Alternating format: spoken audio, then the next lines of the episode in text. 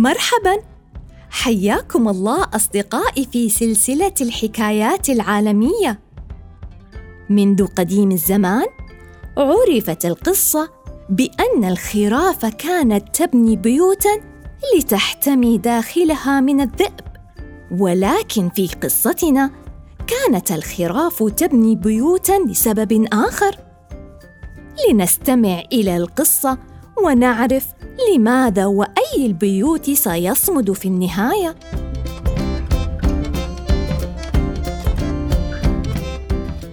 الذئب الصغير والخرفان الثلاثه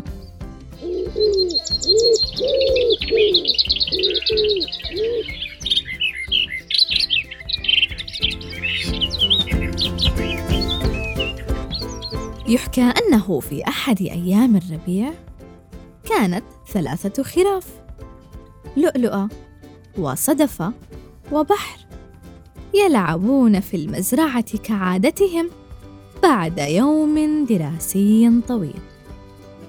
فهم دائما ما يقضون وقتهم سويا يأكلون ويلعبون وينامون كقطيع واحد.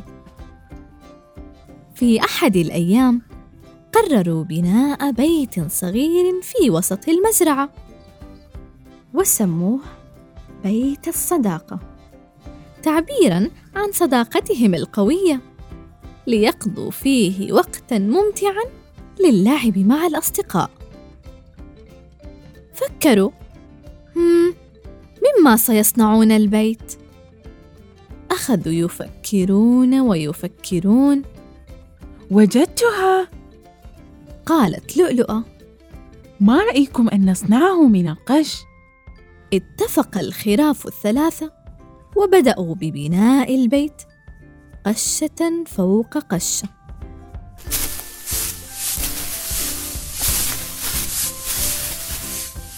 في تلك الأثناء مر الذئب الصغير يسأل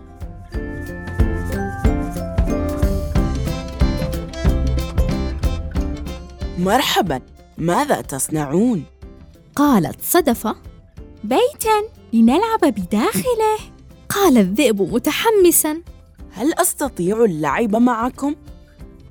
نظر الخراف الثلاثة إلى بعضهم مترددين. فالذئب الصغير دائما ما يثير الفوضى ويسبب المشاكل أثناء اللعب في المدرسة ولكنهم قرروا أن يعطوه فرصة. طبعا. تعال وساعدنا حتى نكمل البناء ونلعب.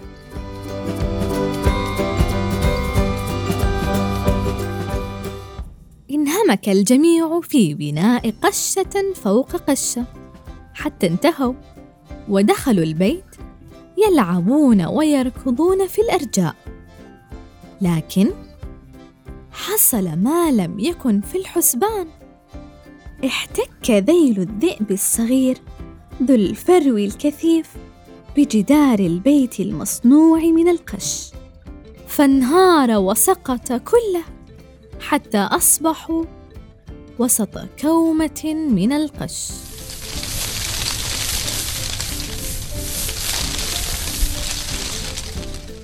يا للأسف!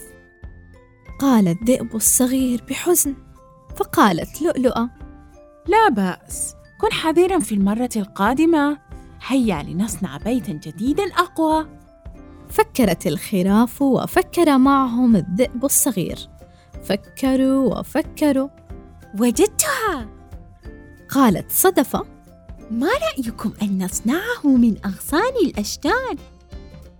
اتفق الخراف الثلاثة وبدأوا ببناء البيت غصنا فوق غصن.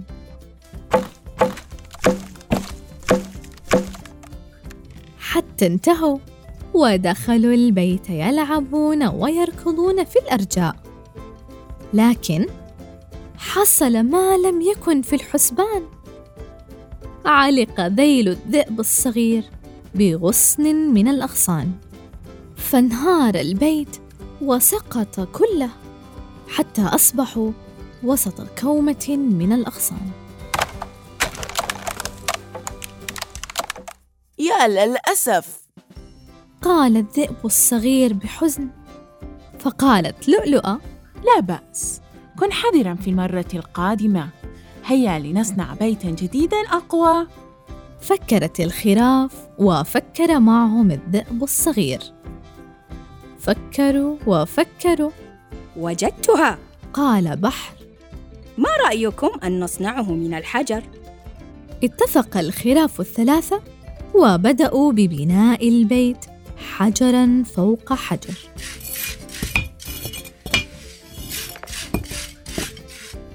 حتى انتهوا ودخلوا البيت يلعبون ويركضون في الأرجاء.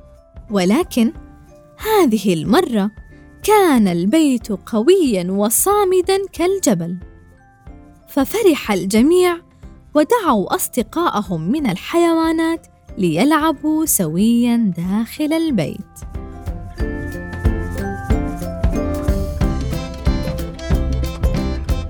أصدقائي بعد سماعنا لحكاية مليئة بالتعاون هل فعلا يمكن للذئب أن يكون صديقا للخروف؟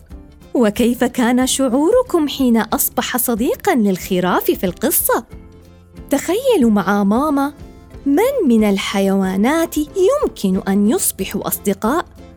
الأسد والغزال مثلا؟ وماذا عن الثعبان والأرنب؟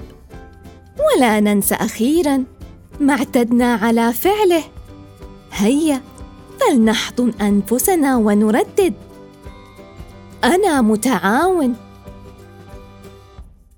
أنا مثابر أحب أصدقائي وأشاركهم أفكاري. أنا قارئ اليوم.